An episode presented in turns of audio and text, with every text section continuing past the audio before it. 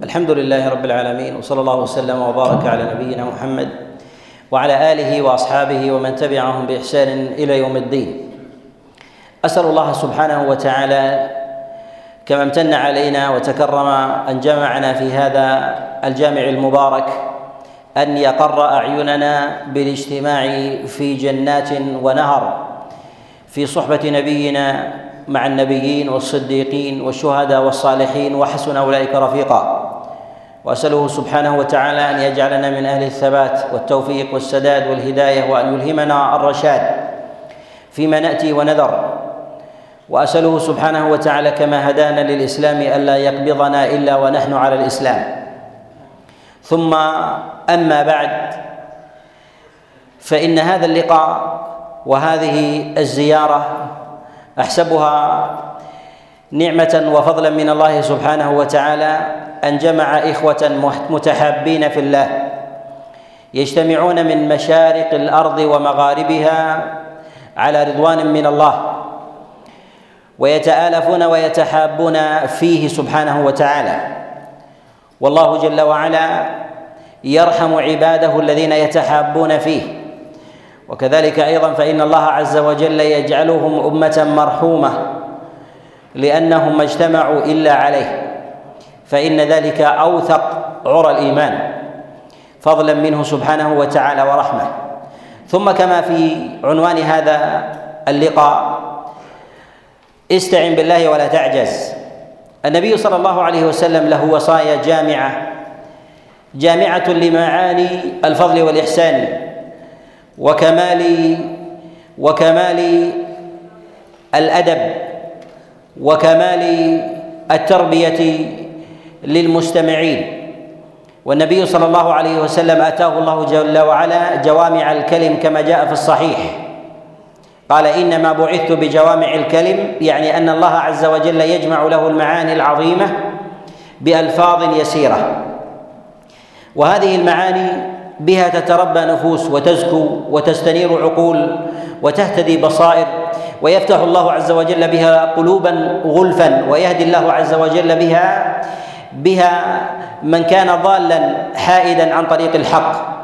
الله سبحانه وتعالى بعث رسوله صلى الله عليه وسلم للناس هاديا ودليلا وكذلك سراجا منيرا يهديهم في ظلمات في ظلمات الجهل ومضلات الفتن.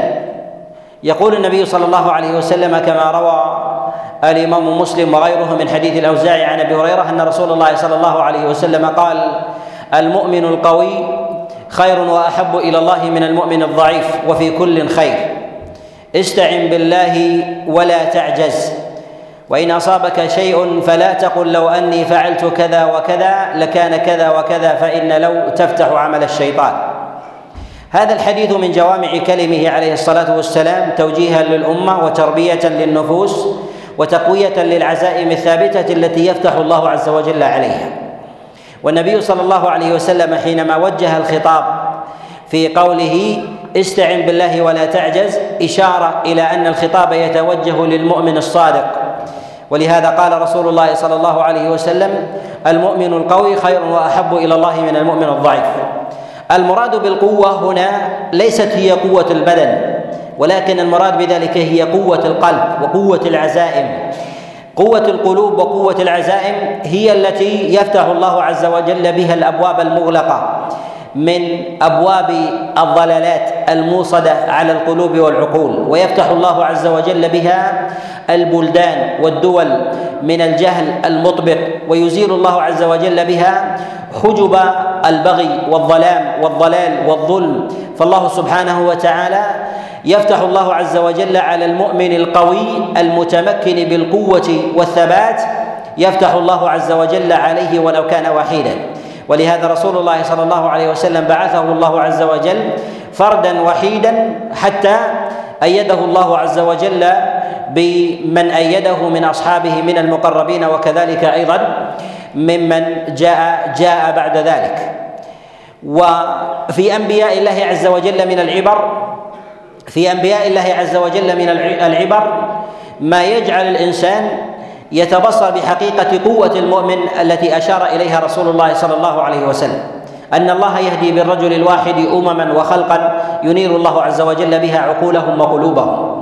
ولهذا رسول الله صلى الله عليه وسلم ابتدأ بشدة وضعف وأمام قوة وجبروت وطغيان وظلم قد استشرى على العقول وعلى القلوب وعلى الأبدان. طغيان شمل جميع جوانب الحياة فأسر الناس وقيدهم ولو كان أحدنا شاهدا لرسول الله صلى الله عليه وسلم في ذلك الزمن لقال باستحالة أن ينتصر هذا الرجل أمام ذلك الظلام. ولكن النبي صلى الله عليه وسلم كان قويا بتقوية الله عز وجل وتثبيته له. المؤمن القوي خير وأحب إلى الله من المؤمن الضعيف وفي كل خير. في هذا رسالة من رسول الله صلى الله عليه وسلم على أن الإنسان ينبغي أن يهتم بالبواطن أكثر من اهتمامه بالظواهر. ولهذا رسول الله صلى الله عليه وسلم يقول كما جاء في حديث أبي هريرة إن الله لا ينظر إلى صوركم ولا إلى أجسامكم وإنما ينظر إلى القلوب التي في الصدور. في هذا إشارة إلى أن الإنسان الذي يهتم بمظهره أكثر من العناية بباطنه أن هذا من أمارات أهل النفاق. الذين إذا رأيتهم تعجبك أجسامهم وإن يقولوا تسمع لقولهم كأنهم خشب مسندة أي ألواح وعزائمهم ضعيفة. وأما أهل الإيمان الذين يهتمون بتربية العزائم وتقوية القلوب وتفتيق الأذهان بنور الوحي المتدفق الذي يفتح الله عز وجل به بها الأغلال مهما استحكمت على على الأنفس وكذلك أيضا على المعاني والنور فإن الله عز وجل يفتح بها يفتح بالحق يفتح بالحق الباطل ويقذف الله عز وجل بالحق على الباطل فيدمغه فإذا هو زاهق.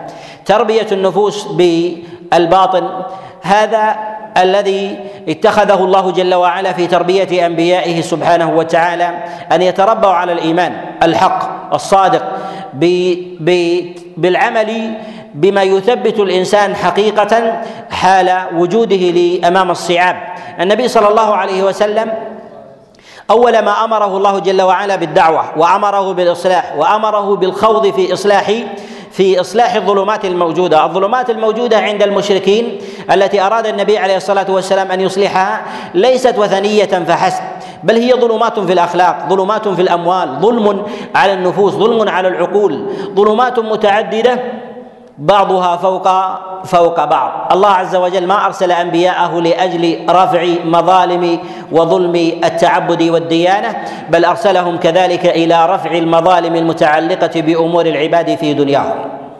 ولهذا يقول الله جل وعلا لقد أرسلنا رسلنا بالبينات وأنزلنا معهم الكتاب والميزان ليقوم الناس بالقسط. أنزل الله عز وجل معهم الكتاب وأنزل معهم الميزان. الكتاب لإقامة دين الله عز وجل والميزان ليقوم الناس بالقسط بالعدل في المال. فينصف الناس ولا يظلموا ويؤخذ الحق من القوي إلى الضعيف بالميزان والناس في ذلك سواسية. لهذا رسول الله صلى الله عليه وسلم أخضع الرؤوس مهما كانت عالية متجبرة طاغية. وذللها مهما كانت مهما كانت عزيزة أمام الحق راكعة لأن الإنسان لا بد أن يكون ذليلا أمام الحق وألا يتكبر وألا يتكبر عليه. فالحق هو السيد الذي يذل أمامه يذل أمامه الإنسان ويركع. ولهذا رسول الله صلى الله عليه وسلم لما قام في في حجة الوداع كما جاء في حديث جابر وحديث أبي هريرة وحديث أنس بن مالك بألفاظ متنوعة. يقول النبي صلى الله عليه وسلم ألا وإن ربا الجاهلية موضوع وإن أول ربا أضعه ربا عمي العباس. ألا وإن دماء الجاهلية موضوعة وإن أول دم أضعه دم ابن عمي ابن ربيعة ابن الحارث. النبي صلى الله عليه وسلم بدأ بالأقربين عنده ليبين أن الأبعدين من باب من باب أولى ولهذا يقول النبي صلى الله عليه وسلم والذي نفسي بيده لو أن فاطمة بنت محمد سرقت لقطعت لقطعت يدها أي أن الحق يجب أن يقوم على الناس بالسواء في أمور الأموال كما أشار إلى قضية العباس وأمور الدماء كما جاء في كما جاء في قضية ابن ربيعة بن الحارث وفي أمور الحدود وإقامة العدل في الأرض كما جاء في التخ... في تخويف الناس بأن فاطمة لو سرقت لقطع رسول الله صلى الله عليه وسلم يدها والنبي عليه الصلاة والسلام أتى بذلك على سبيل الترهيب والتخويف أن أقرب الناس إلي هي بنتي من صلبي فلو فعلت ذلك لأقمت حكم الله عز وجل عز وجل عليها. هذا هو العدل في تربية في تربية البواطن على احترام على احترام العدل وتعظيمه، على احترام الحق وإجلاله، بعيدا عن طمع الإنسان لذاته فإن الإنسان إذا اهتم بالمظاهر تعلق بها واصبح وأصبح ذليلا أمامها منكسرا منكسرا أمام ذلك المتاع اليسير من أمر من أمر الدنيا. لهذا رسول الله صلى الله عليه وسلم رباه الله جل وعلا على تنقية باطنه من جميع شوائب الدنيا وعدم التعلق بها والا يعظم شيئا إلا الحق والحق والعدل الذي أمره الله أمر الله عز وجل عز وجل به. المؤمن القوي خير وأحب إلى الله من المؤمن الضعيف. أي أن الميزان هو ميزان الله عز وجل لا ميزان النفوس. ليس ميزان النفوس التي تلتفت إلى أمور المادة إلى عظم الأبدان وقوام الأشخاص والهيئات والأموال وغير ذلك وإنما المراد بذلك هو هو ميزان الله عز وجل المؤمن القوي خير وأحب إلى الله من المؤمن الضعيف. ذكر النبي عليه الصلاة والسلام أمرين الإيمان والقوة. إشارة إلى أنه لا بد من اجتماعهما لا بد من اجتماعهما في الإنسان. ولهذا الله سبحانه وتعالى لا يقيم الحق في الناس إلا باجتماع هذين هذين الأمرين. فلا فلا نصر بإيمان بلا قوة. فإن الله عز وجل يجعل يحقق النصرة للأمة إذا كان فيها من يعجز. ولهذا النبي عليه الصلاة والسلام أشار إلى أن الإيمان ولو كان ضعيفا في الإنسان إلى أنه يؤديه إلى خير ولو كان إلى نفسه إلا أن الله عز وجل لا يفتح عليه. إلا أن الله لا يفتح عليه. ولهذا قال وفي كل خير. يعني في الضعيف وفي القوي فإن الله عز وجل ينجيه يوم القيامة من الضلال والزيغ. من الضلال والزيغ. و عدم الهداية عن الصراط عن الصراط المستقيم الذي يحشر الله عز وجل عليه عليه عبادة من أهل من أهل الحق والإيمان والتوحيد. فإن الله عز وجل يخرج من النار من كان في قلبه مثقال ذرة من إيمان يعني أن الإيمان ينجيه ولو كان أضعف أضعف الإيمان. ولهذا يقول النبي عليه الصلاة والسلام وذلك أضعف الإيمان كما في حديث أبي سعيد الخدري يعني الذي لا ينكر بيده ولا بلسانه وإنما بشعلة الإيمان في قلبه بشعلة الإيمان في قلبه باستكراه باستكراه باستكراه تلك الأمور المحرمة. قال والمؤمن القوي خير وأحب إلى الله من المؤمن الضعيف وفي كل وفي كل خير. رسول الله صلى الله عليه وسلم ربى أصحابه على التعلق بالله وقصر الأمل وعدم النظر إلى وعدم النظر إلى الآمال البعيدة في النفس والنظر إلى الآمال البعيدة للأمة لا بالأمل القصير بأمل القصير لها. ولهذا ينبغي أن نفرق بين أمرين. بين الأمل البعيد الأمل البعيد للأمة والأمل البعيد للنفس. الأمل البعيد للنفس يجعل الإنسان يعيش لنفسه ينتصر لها يحاول أن يرفع نفسه على أعتاب الحق.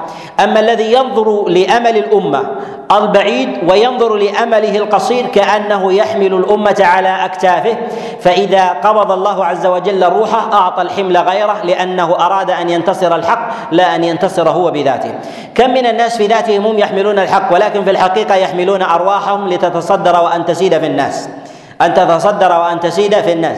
فيأتي الحق حينئذ مشوها ضعيفا خديجا ناقصا غير مكتمل. لماذا؟ لأنه أراد أن يصل بحق ضعيف أراد أن يصل هو بذاته ولو بنقصان بنقصان الحق. الله عز وجل جعل وحيه والعدل والميزان جعله كحال الإناء وما فيه من خير وما فيه من خير وماء الإنسان إذا أراد أن يسير باناء بإناء من ماء ثم ثم يمشي به فإنه يتوقع يتوقع الحفر ويتوقع الأذية حتى لا يقع. في في فيزول شيء من الماء الذي في ذلك العناء فيتوقع بحسب الحال. فإذا وجد شدة أو صعوبة فإنه فإنه يتحرى وينظر إلى مواضع قدميه. أما الذي يريد أن يصل بذاته ولو سقط ذلك الماء معه فإنه يسير ولو سقط منه ولو سقط منه ما سقط. لماذا؟ لأنه ينظر إلى أمله وغايته في ذاته. أما الذي يحمل الحق ولو انكسر أو سقط أو انقضى عمره لأن عمر الإنسان محدود ولديه مدة زمنية محددة. ولو لم يصل بذاته فإنه إذا انتصف الطريق أو كان في ربعه وجاء أجله ووضع ذلك الإناء فيقول قضيت ما علي واختارني الله عز وجل في مثل هذا ولو قدر الله عز وجل لي عمرا مديدا لحملت ذلك أيضا مكملا. ولهذا النبي صلى الله عليه وسلم ربى اصحابه على قصر الأمل لأنفسهم وطول الأمل للحق. وطول الأمل وطول الأمل للحق. طول الأمل للحق. أن يهتم الإنسان بوصول الحق كاملا لا بوصوله بوصوله قاصرا. الأمة إنما تؤتى بالذين يحملون الحق وفي ظاهرهم أنهم يحملونه والحق أن الحق يحملهم حتى يصلوا حتى يصلوا إلى غاياتهم بشيء من الوجاهة والذكر والمدح وغير ذلك. ولهذا لا يبالون إذا سقط شيء من الحق ويتضجرون إذا نيل إذا نيل من أنفسهم. رسول الله صلى الله عليه وسلم أعظم مثال في ذلك. حرص رسول الله صلى الله عليه وسلم على إتمام الحق وكماله. وما كان النبي عليه الصلاة والسلام يعجز يعجز عن إيصال الحق. بل استفرغ وسعه وطاقته وبذل ما يملك عليه عليه الصلاة والسلام. هجر النبي عليه الصلاة والسلام الأوطان والمال وبذل النبي عليه الصلاة والسلام عرضة يأخذ الناس منه ما يشاءون فاتهموه بالجنون والسحر والكهانة والخرافة وغير ذلك من اتهامات الباطل فبذل النبي صلى الله عليه وسلم عرضة ما صان عرضه لأجل لأجل أن يحفظه ولو تشوه حينئذ الحق.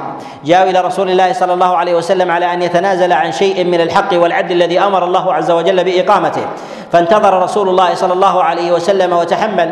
وقد جاء عند ابن جرير الطبري وغيره في في تفسير قول الله جل وعلا قل يا أيها الكافرون لا أعبد ما تعبدون. أن كفار قريش جاءوا إلى النبي عليه الصلاة والسلام قالوا قالوا يا محمد يا محمد يعني لما عجزوا عن أن يتبعهم محمد أو يدفعوه ولو بالقتل عما هو عليه وشعروا أن لديه شيئا من القوة قالوا يا محمد اعبد آلهتنا. ستة أشهر ونعبد إلهك ستة ستة أشهر. فأنزل الله عز وجل عليه قوله جل وعلا قل يا أيها الكافرون لا أعبد ما تعبدون. إلى آخر إلى آخر السورة. وخيروا رسول الله صلى الله عليه وسلم. قالوا إن شئت زوجناك بخير نسائنا وأجملهن وأعطيناك من خير مالنا وجعلناك سيدا مطاعا فينا. فالنبي صلى الله عليه وسلم هل يبحث عن تمام دنيا لذاته؟ أم ينظر لكمال الحق ولو كان على ولو كان على حساب نفسه؟ بل النبي صلى الله عليه وسلم ينظر إلى كمال الحق وطول الأمل له وضعف الأمل لذات رسول الله صلى الله عليه وسلم. ولهذا يقول النبي عليه الصلاة والسلام لعبد الله بن عمر يا ابن عمر كن في الدنيا كأنك غريب أو عابر سبيل. وكان عبد الله بن عمر عليه رضوان الله تعالى بعد ذلك يقول إذا أصبحت فلا تنتظر المساء وإذا أمسيت فلا تنتظر الصباح. هذا هل هو زهد في الحق؟ قصر أمل في الحق أم هو قصر أمل في الذات؟ قصر أمل في ذات الإنسان؟ لا في ذات الحق لأن الإنسان إذا كان مقصرا في ذات مقصر الأمل في ذات الحق أصيب بماذا؟ أصيب بالإحباط. أصيب بالإحباط لأنه يرى أن الحق له أمد أمل معدود. ولا بد أن يقوم على أكتافه هو فإن لم يقم على أكتافه فإنه يزول. حينئذ يعجز من أول من أول طريقه. ولهذا رسول الله صلى الله عليه وسلم كان لا ينظر إلى الدنيا إلا إلى ما بين يديه وأما بالنسبة لتمام الدين فإنه ينظر إليه إلى قيام الساعة. فيخبر عن الفتن ويخبر ما يأتي بعد ذلك من الشرور واحوال وأحوال الأمم وتقلباتها وذلك حفظا للدين ولو كان بعد ولو كان بعد ذلك. ولهذا جاء النبي عليه الصلاة والسلام في الصحيح أنه حدث أصحابه وقام فيهم بعد صلاة الفجر فقام يحدثهم حتى حتى صلاة الظهر. ثم قام النبي عليه الصلاة والسلام يحدثهم حتى حتى صلاة العصر. ثم قام يحدثهم عليه الصلاة والسلام حتى حتى غروب الشمس. فأخبرهم النبي عليه الصلاة والسلام بما يكون إلى قيام إلى قيام الساعة من خير من خير أو شر. وأما رسول الله صلى الله عليه وسلم في ذاته فكان النبي عليه الصلاة والسلام ينام على حصير ربما أثر على على جنبه وأما الحق فالنبي عليه الصلاة والسلام لا يقبل منه نقصانا. ولهذا تقول عائشة عليه رضوان الله تعالى رسول الله صلى الله عليه وسلم ما انتقم لنفسه قط إلا أن تنتهك محارم الله. يتهم بالسحر والجنون ويؤذى رسول الله صلى الله عليه وسلم ويجذب ويؤخذ ماله عليه الصلاة والسلام. ومع ذلك لا ينتصر لنفسه وإنما ينتصر للحق تقول عائشة عليه رضوان الله إلا أن تنتهك محارم الله. فإن النبي صلى الله عليه وسلم ينتصر. ينتصر ينتصر لها. يقول النبي صلى الله عليه وسلم استعن بالله استعن بالله ولا تعجز. قوله عليه الصلاة والسلام استعن بالله.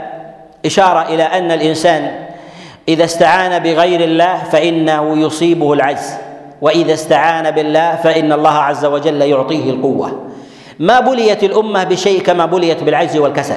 ولهذا النبي عليه الصلاة والسلام يستعيذ من ذلك. كما جاء في الصحيح من حديث المعتمر عن أبيه عن أنس بن مالك عليه رضوان الله يقول النبي صلى الله عليه وسلم اللهم إني أعوذ بك من العجز والكسل والجبن والهرم. النبي عليه الصلاة والسلام يستعيذ من العجز والكسل لأن العاجز والكاسل لا يصل على أكتافه شيء لا من حق الدنيا ولا من حق ولا من حق الآخرة. رسول الله صلى الله عليه وسلم في قوله استعن بالله استعن بالله ولا تعجز. أراد عليه الصلاة والسلام أن يرشد أن تعلق الإنسان إنما يكون يكون بالله. العون بالله جل وعلا لا بنفس الإنسان. لهذا رسول الله صلى الله عليه وسلم أطهر الناس قلبا وأصفاهم نفسا. وأزكاهم عليه الصلاة والسلام. روحا رسول الله صلى الله عليه وسلم يستعيذ بالله عز وجل من أن يوكل إلى نفسه. فيقول النبي عليه الصلاة والسلام كما في الخبر اللهم اني اللهم لا تكلني إلى نفسي طرفة عين. طرفة عين. والنبي صلى الله عليه وسلم أزكى الناس. إشارة إلى أنه إنما يؤتى الإنسان باتكاله على نفسه أن يلتفت إلى عزيمته أو إلى قوته أو إلى عشيرته وإنما يجب عليه أن يتكل على الله عز وجل في الوصول إلى في الوصول إلى الحق. إذا التفت الإنسان إلى الاعتضاد بأمر الدنيا وجاهها وقوتها واتخذها عونا بذاتها مستقلا عن الاعتماد على الله عز وجل إذا زالت أو ذهب الوقت ولم ينتصر الإنسان وقع لديه شيء من العجز لماذا؟ لأن اتكاله على ماذا؟ اتكاله على تحليله الشخصي أنه ينتصر بعد عام أو اتكالها على المادة ثم استعمل المادة ولم ينتصر أو اتكالها على أعوانه وحزبه ثم وجد أن أعوانه لم ينصروه حينئذ قام بشيء من العجز وأصابه شيء من الفتور والكسل. لماذا؟ لأنه اعتمد عليهم أما الذي يعتمد على الله فإنه يعلم أن الله عز وجل ناصره إن شاء اليوم أو غدا أو بعد عام أو بعد ذلك. فإن الله عز وجل هو الذي الذي ينصر الحق لا ينصرك أنت. كذلك أيضا فيه معنى جليل جدا أن الله أن الله سبحانه وتعالى أراد أن يبين على لسان نبيه عليه الصلاة والسلام أن الله ينصر الحق بك لا ينصرك بالحق. وهذا من المعاني المهمة التي ينبغي أن يلتفت إليها. الله عز وجل ينصر الحق بعباده ولا ينصر عباده بالحق بمعنى أنه ربما تموت أنت ولا ولا ترى شيئا من التمكين. لهذا من أصحاب النبي عليه الصلاة والسلام من ماتوا في ابتداء الأمر وظاهر أمر الأمة في ذلك شيء من الضعف كحال حمزة بن عبد المطلب خديجة بنت خويلد ورقة بن نوفل وغيرهم من أصحاب النبي عليه الصلاة والسلام. هل رأوا تمكينا تاما للنبي عليه الصلاة والسلام؟ ما رأوا تمكينا تاما لرسول الله صلى الله عليه وسلم. لماذا؟ لأن الله عز وجل أراد من هؤلاء أن ينتصروا للحق وأن ينصر الله عز وجل بهم الحق لا أن ينصر ذواتهم بالحق. لماذا؟ لأنه إذا نصرهم بالحق سبحانه وتعالى جعل النصر لهم متحقق وإذا لم ينتصروا بسنة أو سنتين أصابهم شيء من العجز والفتور. نوح عليه السلام بقي في قومه ألف سنة إلا إلا خمسين عاما يدعوهم بدعوة واحدة. غير متجددة. أن يعبدوا الله لا شريك له. فلم يتغير من دعوة رسول الله صلى الله عليه وسلم عليه, الصلاة والسلام من ذلك شيئا على الإطلاق. ما ما غير الدعوة بإنزال نصفها أو بعضها وإنما استمر على ذلك حتى حتى قضى قضى الله عز وجل في ذلك في ذلك أمره. ولكنه غير في ماذا؟ غير في أسلوبه. دعا قومه ليلا ثم دعاهم نهارا. ربما لا يناسبهم ذلك. دعاهم سرا ثم دعاهم علانية. غير في طريقة الأسلوب وأما في ذات الرسالة فهي فهي التي أرادها الله جل وعلا. إشارة إلى هذه المدة وهي من أعجب المدد الزمنية للأنبياء. أن يمكث نبي أن يمكث نبي من أنبياء الله في قومه ألف سنة إلا خمسين عاما ثم لا يؤمن من ذلك مع ذلك النبي إلا إلا النفر القليل. وما آمن معه إلا إلا قليل. ما آمن مع نوح إلا قليل. وذلك في ألف سنة إلا خمسين عاما. مع ذلك اتضح الحق. الحجة ممن حجة ربانية أقوى حجة. والنبي يدعو القوم بلغتهم. والكلام كلام الله سبحانه وتعالى. والأنبياء أفصح أهل زمانهم. يدعون إلى ذلك. اكتملت أركان. اكتملت أركان الحجة ومع ذلك ما قبلوا. لماذا؟ أنه ربما يكون في الأمة عناد. العناد ليس عيبا فيك أنت. ولكن الله عز وجل ما أراد لهم قبولا. ما أراد لهم لهم قبولا. يجب عليك أن تعرض الحق كما أراده الله سبحانه وتعالى لا أن تريده لنفسك. إذا رأيت أن الحق لا يصل كما أراده الله لا تنقصه أو تنزل منه أو تبدله لحظ في نفسك أن تصل أنت بذلك وتتمكن فيأتي الحق حينئذ مشوها كما فعل بنو إسرائيل. كما فعل بنو إسرائيل من اليهود والنصارى إذ وصفهم الله عز وجل بأنهم سماعون للكذب أكالون للسحت. سماعون للكذب يعني في ابتداء الأمر ما قالوا الباطل وإنما يسمعون الناس يقولون الباطل ثم يمسكون عن ذلك أي أنهم لم نقل لم نقل شيئا من الباطل وإنما سمعناه وسكتنا بشيء من المداهنة وشيء من وشيء من الرضا يريدون من ذلك الوصول لأنفسهم ثم تجاوزوا بعد ذلك فقالوا الباطل بأنفسهم. ثم تجاوزوا ذلك فقالوا الباطل بانفسهم فكانوا يسعون لمتع لمتع ذواتهم لا لاقامه لا لإقامة الحق. لهذا نقول إن الله عز وجل ينصر ينصر الحق بعباده لا ينصر عباده بالحق إلا واحدا يستثنى وهو رسول الله صلى الله عليه وسلم.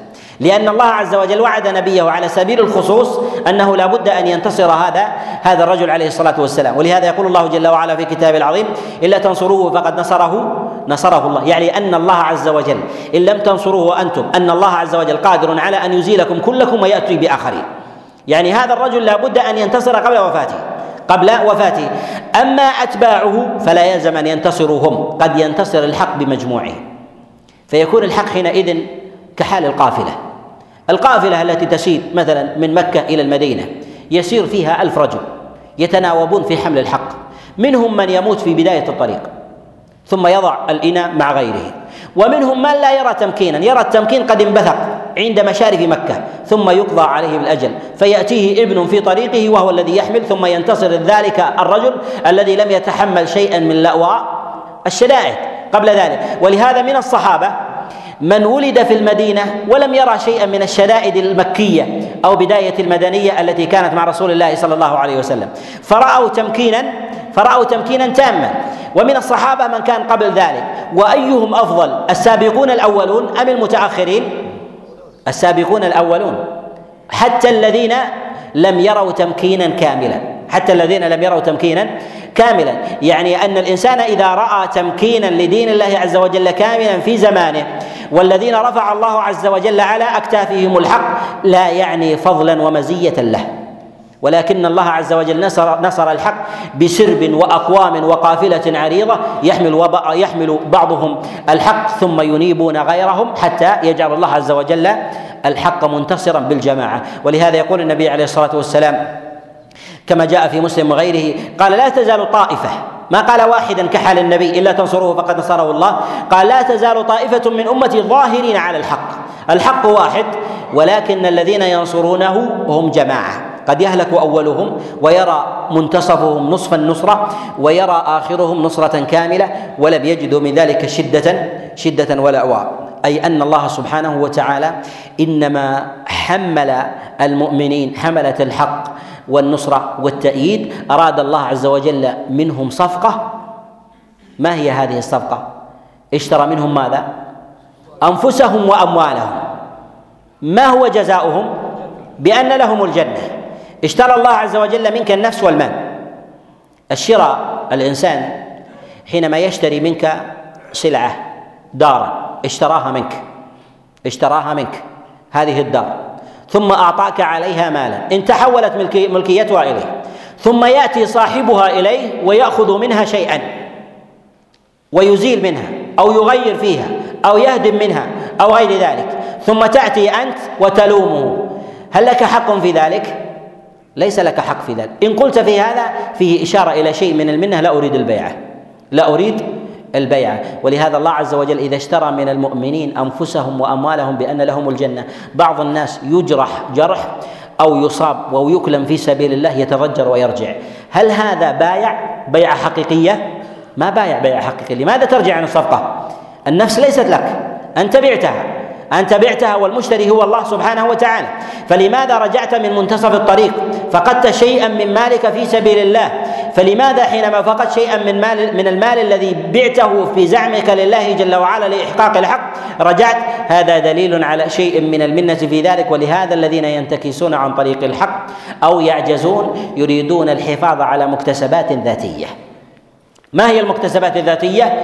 على راحة النفس والبال راحة النفس والبال أو أو الحفظ على المال أو الحفظ على العرض لا يريد الإنسان أن يتكلم فيه أو يوقع فيه أو نحو ذلك. رسول الله صلى الله عليه وسلم دعا بمكة وهو أفصح العرب. يروى في الخبر عن النبي صلى الله عليه وسلم أنه قال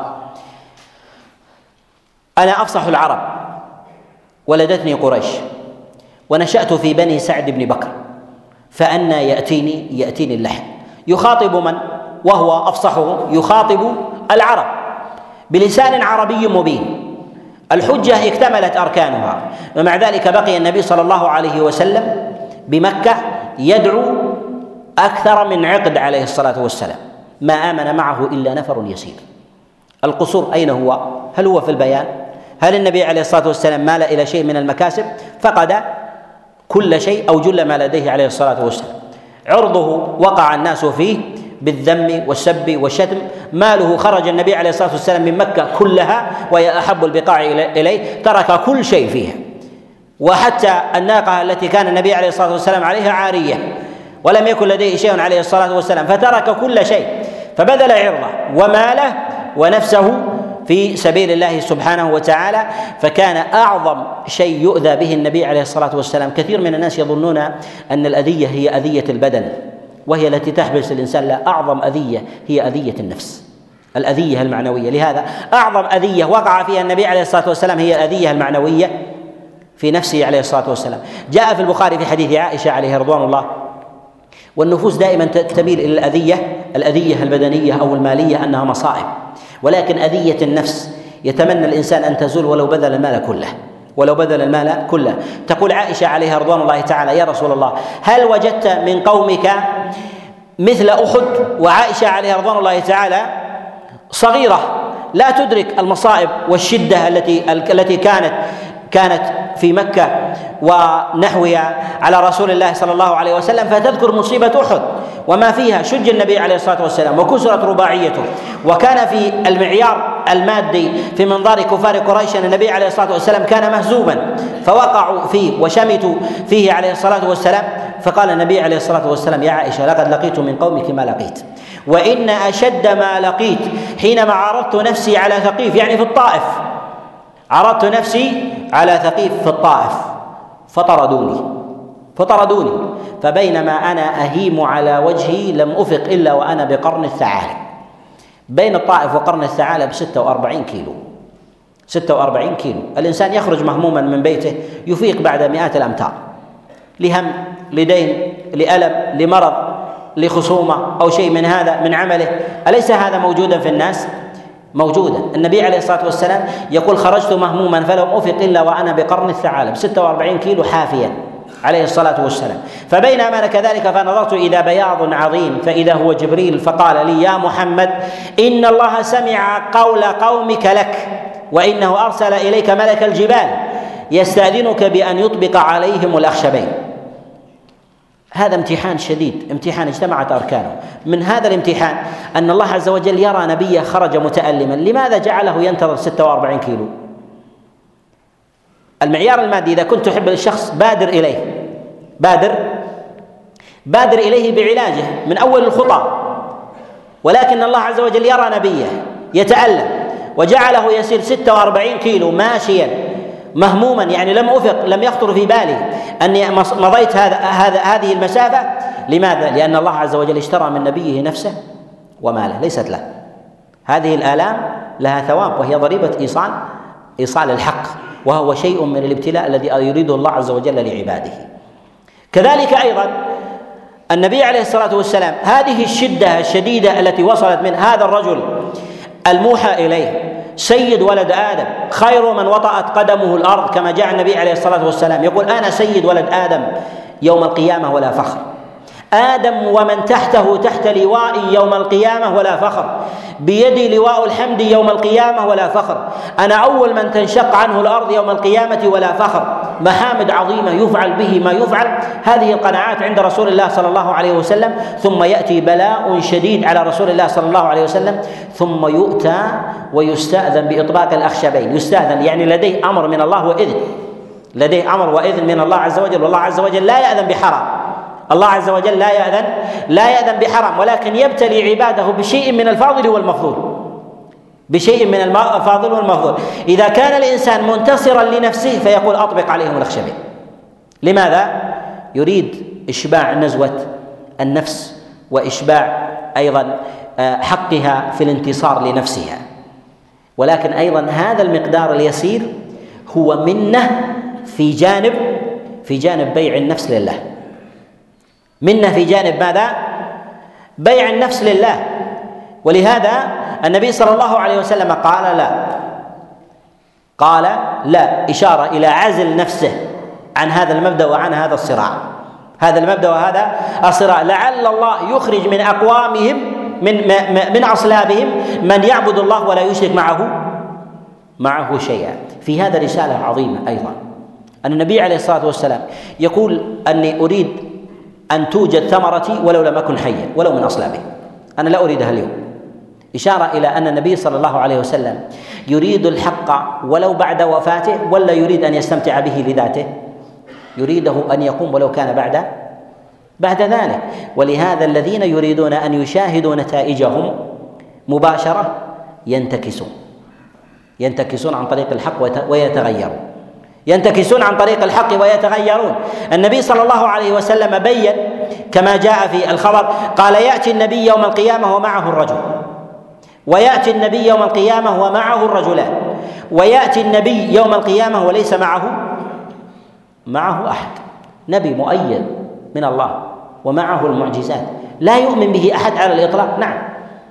هذا رسالة إلى أنك مهما بلغت من الحجة والبيان والحق ولم يتبعك أحد ربما لا يكون التقصير منك. لا تنتكس عن طريق الحق عليك بالثبات ولا تعجز واستمر على ما أنت عليه. إذا قبض الله عز وجل أمرك ولم يتبعك أحد لست خيرا من أنبياء الله عز وجل الذين يأتون يوم القيامة وليس معهم وليس معهم أحد. لهذا النبي صلى الله عليه وسلم يقول استعن بالله استعن بالله ولا ولا تعجز. ثم قال النبي صلى الله عليه وسلم فإن أصابك شيء إشارة إلى أن المصائب هي محك التغيرات. المصائب والابتلاء هو محك التغيرات. وهذا أمر مشاهد في الأمم كلها وفي الدول. الإنسان يأتي ويقوم بالحق فإذا أصيب بدل. فإذا أصيب بدل. الشيطان أقرب ما يكون إلى العقول والقلوب عند عند المصائب والشدائد. عند المصائب والشدائد. لهذا الله عز وجل ذكر في حال المؤمنين مع النبي عليه الصلاة والسلام في الغزوة قال وبلغت القلوب الحناجر وتظنون بالله؟ الظنون. القلب إذا كان خائفا وجلا من الحق الذي قام فيه هو فرصة سانحة لإبليس لتغيير المبادئ. لهذا الذين يتغيرون في مبادئهم تغيروا في زمن الخوف لا في زمن الامن وفي زمن الشدة لا في زمن الرخاء. لماذا؟ الشدائد في ذلك اختبار ولن تكون كشدائد كالشدائد التي جاءت النبي عليه الصلاة والسلام. ما الذي جعلك تتغير؟ والله عز وجل ما أعطاك عهدا باللين وبالراحه والدعة. ما الذي جعلك تتغير؟ اذا هي السلامة الذاتيه اذا ثمة قدح من طرفك في المبايعة التي هي مع الله. في المبايعة التي هي مع الله. ولهذا النبي صلى الله عليه وسلم يقول وإن أصابك شيء إلى أن إشارة إلى أن المصائب هي محك التغيرات. محك التغير. انظروا إلى من انتكس عن طريق الحق. لابد أن يكون مر بابتلاء. مر بابتلاء فتغير. إما بسجن أو بقتل. أو بفقد مال أو مساومة على نفسه أو عرضة أو غير ذلك أو تخويف مبطن أو قلق في ذاته. فقام بالتغير. لماذا؟ لأنه يريد أن يحافظ على هذا كله. فقام بالتنازل عن شيء من الحق. ولهذا النبي صلى الله عليه وسلم يقول وإن أصابك شيء فلا تقل لو أني فعلت كذا وكذا. لماذا قال؟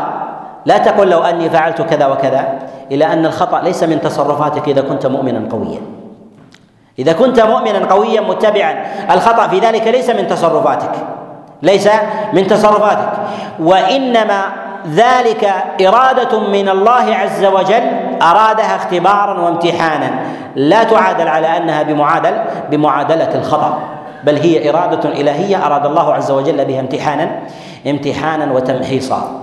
لهذا جاء تفضيل الصحابة عليهم رضوان الله السابقين الأولين الذين أنفقوا وقاتلوا من قبل الفتح أنهم أفضل ممن جاءوا بعد ممن جاءوا بعد ذلك. لماذا؟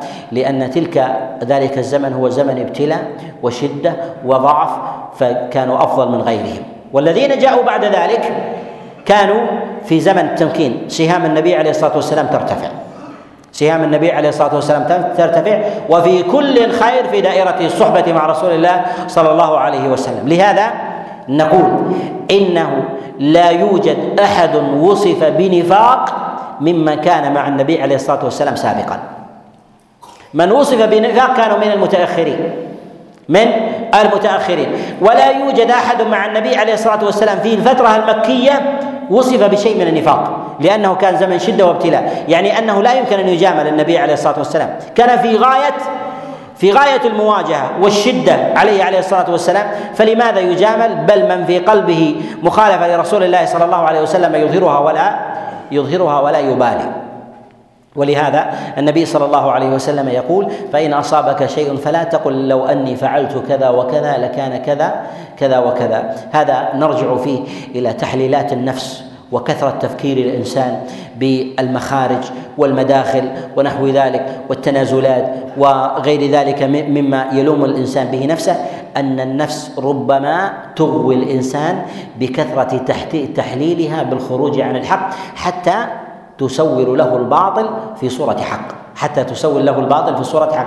ولكن المهم في ذلك أن يكون الإنسان متبعا أن يكون الإنسان متبعا لا أن يكون في دعوته ورسالته على خطأ ثم يثبت على ذلك فيقول ولا تقل لو أني فعلت كذا وكذا فهذا ثمة خطأ في المعادلة أصلا. ثمة خطأ في المعادلة أصلا أي أنك إنما سلكت في ابتداء أمرك على خطأ فعليك أن تصحح لأن النبي عليه الصلاة والسلام في قوله المؤمن. المؤمن هنا إشارة في في ال هنا العهدية المؤمن الذي آمن بالنبي عليه الصلاة والسلام كما أراد الله عز وجل لا كما يريد الإنسان. كما يريد الإنسان أن يكيف لنفسه حقا. لهذا نقول إن الهداية الحقيقية والتوفيق الحقيقي والنصرة الحقيقية الكاملة هي نصرة الإنسان نصرة الله عز وجل لعباده والنصرة وذلك بالمعرفة والعلم والهداية والتمسك بسنة النبي عليه الصلاة والسلام. كيف يعرف طريق الحق؟ هل هو بالذوق؟ بالحس بالاستحسان العقلي بالاراء بالأفكار أو غير ذلك نقول كل هذه تجعل في ميزان في ميزان الشريعة. النبي عليه الصلاة والسلام أشار إلى إلى شيء من الشدائد في هذه الأمة ربما يبتلى الإنسان ويختبر ويمتحن. يمتحن بإطالة المدة فيصاب بشيء من العجز والكسل. يطول بهم الأمد في ذلك. وبين الله سبحانه وتعالى أنه ربما حتى الأنبياء يطول عليهم الأمد. الله عز وجل يبتلي أنبياء فربما وقعوا في شيء من من أوائل اليأس حتى إذا استيأس الرسل وظنوا أنهم قد كذبوا. استيأسوا يعني بلغوا من الشدة ينتظرون فرج النصر الذي وعدوا وعدوا إياه فرأوا في أنفسهم في دواخلهم أن هذا زمنه وتأخر أن هذا زمنه وتأخر. وهذا إشارة إلى أن الإنسان كلما كان حرجا وضيقا فليعلم أن الفرج مع الصبر وأن مع العسر مع العسر يسرا أتاهم نصرنا يعني يأتيهم النصر في بعد تلك الشدائد. يختبر الله سبحانه وتعالى عباده. ربما الله عز وجل يختار أحدا من عباده ولا ينتصر. إذا رأيت أخا لك قتل لا يعني بذلك أن الحق هزم؟ لا بل هذه ضريبة للحق. قتل من خير الخلق من الصحابة عليهم رضوان الله تعالى بعد رسول الله صلى الله عليه وسلم من العليا كحمزة بن عبد المطلب منهم من مات وقضى نحبه منهم من المقربين من رسول الله صلى الله عليه وسلم وغير ذلك من كان النبي عليه الصلاة والسلام يحرص على هدايته ولم يهده الله جل وعلا كعمه أبي طالب وغير ذلك من وغير ذلك من أنواع من أنواع من أنواع الضعف المادي الذي لو أراد الإنسان أن يحسبه لوجد أنه من مواضع الضعف وذلك لأن هذه المعادلات هي ليست معادلات ضعف وقوة القوة الحقيقية أن يقوم الإنسان بما أراده الله سبحانه وتعالى. ويجعل النتائج لمن؟ يجعل النتائج على الله. لا يحكمك زمن. لا تقف في زمن في عام أو عامين أو عشرة أو عشرين. الزمن أن الزمن ليس إليك. عليك العمل. عليك العمل. والصراع في ذلك للإنسان صراع إما في داخله وإما وإما في خارجه.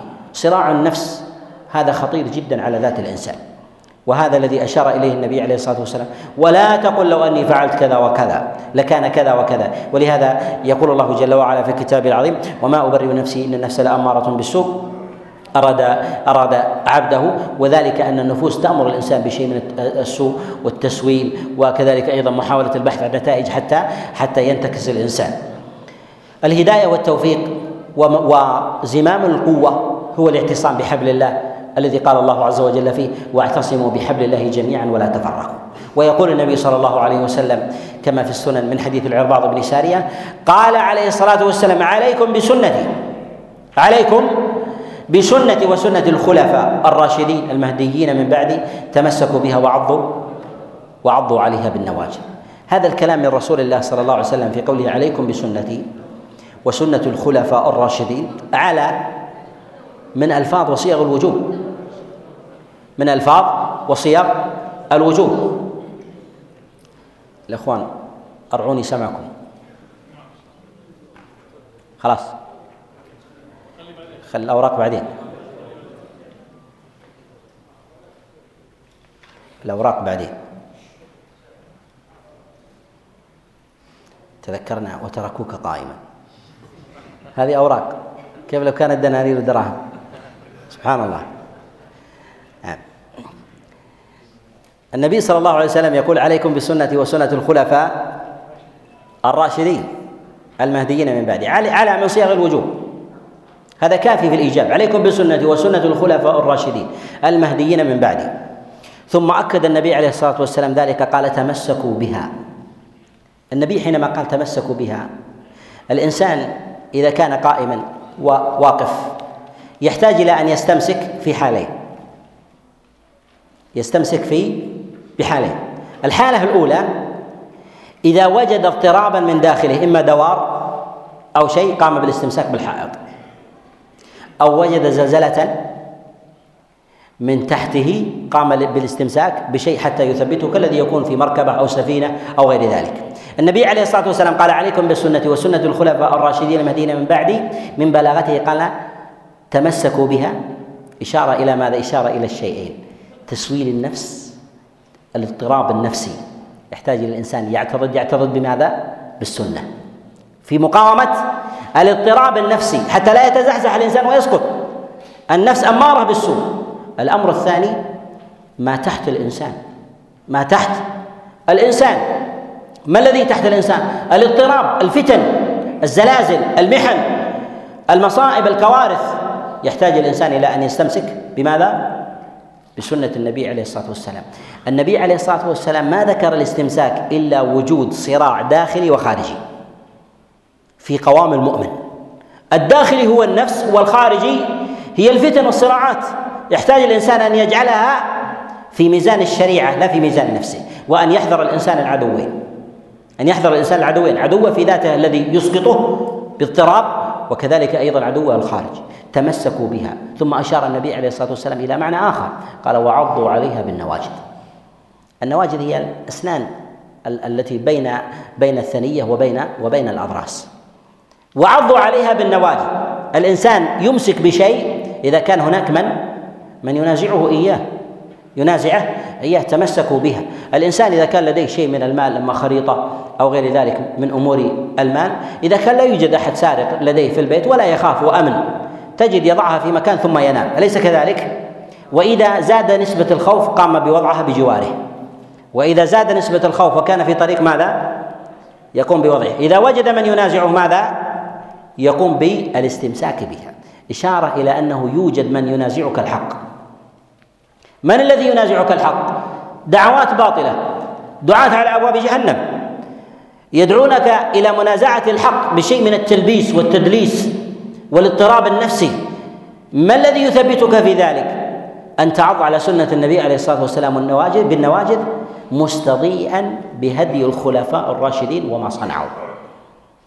والنبي عليه الصلاة والسلام ما أشار إلى التمسك وأشار عليه الصلاة والسلام إلى العض بالنواجذ إلا لوجود شيء من الاضطراب. إذا رأيتم الإنسان في فلاة ولا يوجد عنده أحد وهو ماسك ماله ويعض عليه بالنواجذ ألا تتهمونه؟ لأنه لا يوجد شيء. لماذا أن تستمسك هذا؟ هذا الاستمساك. ولا يوجد ولا يوجد فتن. ولكن النبي عليه الصلاة والسلام أراد أن يشير إلى أنه يوجد اضطراب ومنازعة للحق ينبغي للإنسان الا يستمسك إلا إلا بسنته عليه الصلاة والسلام. ولهذا رسول الله صلى الله عليه وسلم بين حقيقة العداوة لمنهجه التي تزحزح الإنسان عن طريقه. قال عليه الصلاة والسلام وإياكم ومحدثات الأمور. فإن كل محدثة بدعة وكل بدعة ضلالة وكل ضلالة في النار. محدثات الأمور هي البدع الزيادة في دين الله الإحداث فيه. الإنسان يحتاج إلى الزيادة في دين الله ربما لإشباع عاطفة النفس. رغباتها أو ربما لشيء مثلا من حب الحظوة بالإتيان بشيء جديد عند الناس وغير ذلك. هذا من الضلال والزيغ الذي قال الله جل وعلا في في كتابه العظيم وأن هذا صراطي مستقيما فاتبعوه ولا تتبعوا السبل فتفرق بكم عن سبيله. الله سبحانه وتعالى أمر بسلوك الصراط المستقيم المنهج القويم لأن الصراط صراط واحد جعله مستقيما حتى يرى الإنسان أوله ويرى آخره. أما الصراط الملتوي أو أو الصراط أو الخطوط الملتوية والمنحنية فإن هذا الانحناء لا يرى الإنسان نهايته لا يرى الا إلا في موضع قدميه أو خطاه لكن ما بعد ذلك لا يرى ثمة التواءات متعددة. والتواء هذه الطرق وانحناؤها متعدد أشكال متعددة حتى في الطريقة الهندسية. إذا أراد الإنسان أن يرسم خطا مستقيما لا يستطيع إلا شكل واحد لا يستطيع الا إلا شكل واحد المستقيم واحد. أما الملتوية فهذا لا حد له. التواء واحد التواءين ثلاثة أربعة خمسة لا حد في ذلك. التواءات في زوايا مختلفة وارتدادات متعددة اذا الانحراف لا حد له من الأفكار والتيارات أما الصراط المستقيم فهو صراط واحد لكن ينبغي أن نعلم أن الإنسان ربما يكون على صراط مستقيم لكنه باضطراب ووجل وخوف. لماذا؟ لأنه ليس على هدى. قد يكون الصراط الذي أمامك مستقيم ليس لكن ليس معك نور يهديك. فلا فلا ترى. ويكون رجل على ضلال ومعه نور ويرى أبعد منك ولو كان على طريق ملتوي. وأنت في ظلام دامس. لماذا؟ لأنه قدر أن وجدت في مجتمع على هداية على هداية لكنك على غير علم. فوجدت على صراط مستقيم فاضطربت. ولهذا نقول ينبغي للإنسان أن يستبصر بحقيقة طريقه. أعظم الاستبصار في حقيقة هذا الطريق هو العلم بالكتاب بالسنة بفهم سلف الأمة من الصحابة عليهم رضوان الله تعالى والتابعين الذين قال النبي صلى الله عليه وسلم فيهم خير الناس قرني ثم الذين يلونهم ثم الذين يلونهم. أسأل الله سبحانه وتعالى أن يجعلني وإياكم من الثابتين المهتدين المنصورين الناصرين للحق المؤيدين والمؤيدين له. أسأله سبحانه وتعالى أن يأخذ بي وبكم إلى الهدى والتقى والعفاف والغنى وأن يعيذنا من الفتن ما ظهر منها وما بطن واسال الله سبحانه سبحانه وتعالى كما جمعنا في هذا المجلس المبارك أن يجمعنا عنده في جنات ونهر في آه، في مع النبيين والصديقين والشهداء والصالحين. وأسأله سبحانه وتعالى أن يشكر لي ولكم أن يجزي هذه الوجوه الطيبة المباركة على حضورها واجتماعها. وكذلك أيضا أوصيهم بالثبات والقوة. أوصيهم بوصية النبي عليه الصلاة والسلام أن المؤمن القوي خير وأحب إلى الله من المؤمن من المؤمن الضعيف وفي كل خير. واستعينوا بالله ولا تعجزوا. وأن أصيب الإنسان بمصيبة فلا يقول لو أني فعلت كذا وكذا لكان كذا وكذا فإن لو تفتح عمل الشيطان ماذا عمل الشيطان؟ عمل الشيطان في نفسه. يعني يفتح الباب لها لتخوض في نفس الإنسان وتخرج شيئا من من من نتائج الأفكار والآراء والتغيرات في ذات الإنسان فيبدئ ويعيد ويغير. يغير ويبدل في هذا في هذا الباب. عليه أوصيكم بالثبات. ما دام الإنسان على الحق وأن يجعل النتائج إلى الله سبحانه وتعالى. أوصي الإخوان أيضا بالثبات وهذا فرع عن هذا المعنى بهذه الدروس. ونحن بإذن الله عز وجل على يومين متتاليين نقوم بدروس ومحاضرات في هذا في هذا المسجد المبارك. أوصي إخواني بالثبات. وقل استعينوا بالله ولا تعجزوا. فلدينا دورة الدورة تبدأ غدا إن شاء الله في أوقات الصلوات الخمس وكذلك بعد غد. أريد أن أرى هذا الحضور كما هو في هذه المحاضرة أن يستمر بإذن الله عز وجل في الغد بعونه وتسديده سبحانه وتعالى. كذلك أيضا أنوه بالشكر للإخوة القائمين على هذا الجامع المبارك جامع عبد الرحمن بن عوف. لما لهم من جهد وعمل مشكور. بلغني مرارا جهدهم من بداية هذه الأزمة وبعد ذلك باحتواء الناس وإيوائهم وإعانتهم وتسديدهم والعناية بتعليم الناس وتوجيههم وإغاثتهم. وهذا في الحقيقة هو خير ما يبقى للإنسان من ثمار وأعمال الدنيا عند الله سبحانه وتعالى. أسأل الله عز وجل أن يجزيهم خيرا وأن يسددهم على ما هم فيه بالثواب والهداية والسداد. وأسأله جل وعلا أن يثبتهم على ما هم عليه من الخير والهدى. إنه ولي ذلك والقادر عليه. صلى الله وسلم وبارك على نبينا محمد.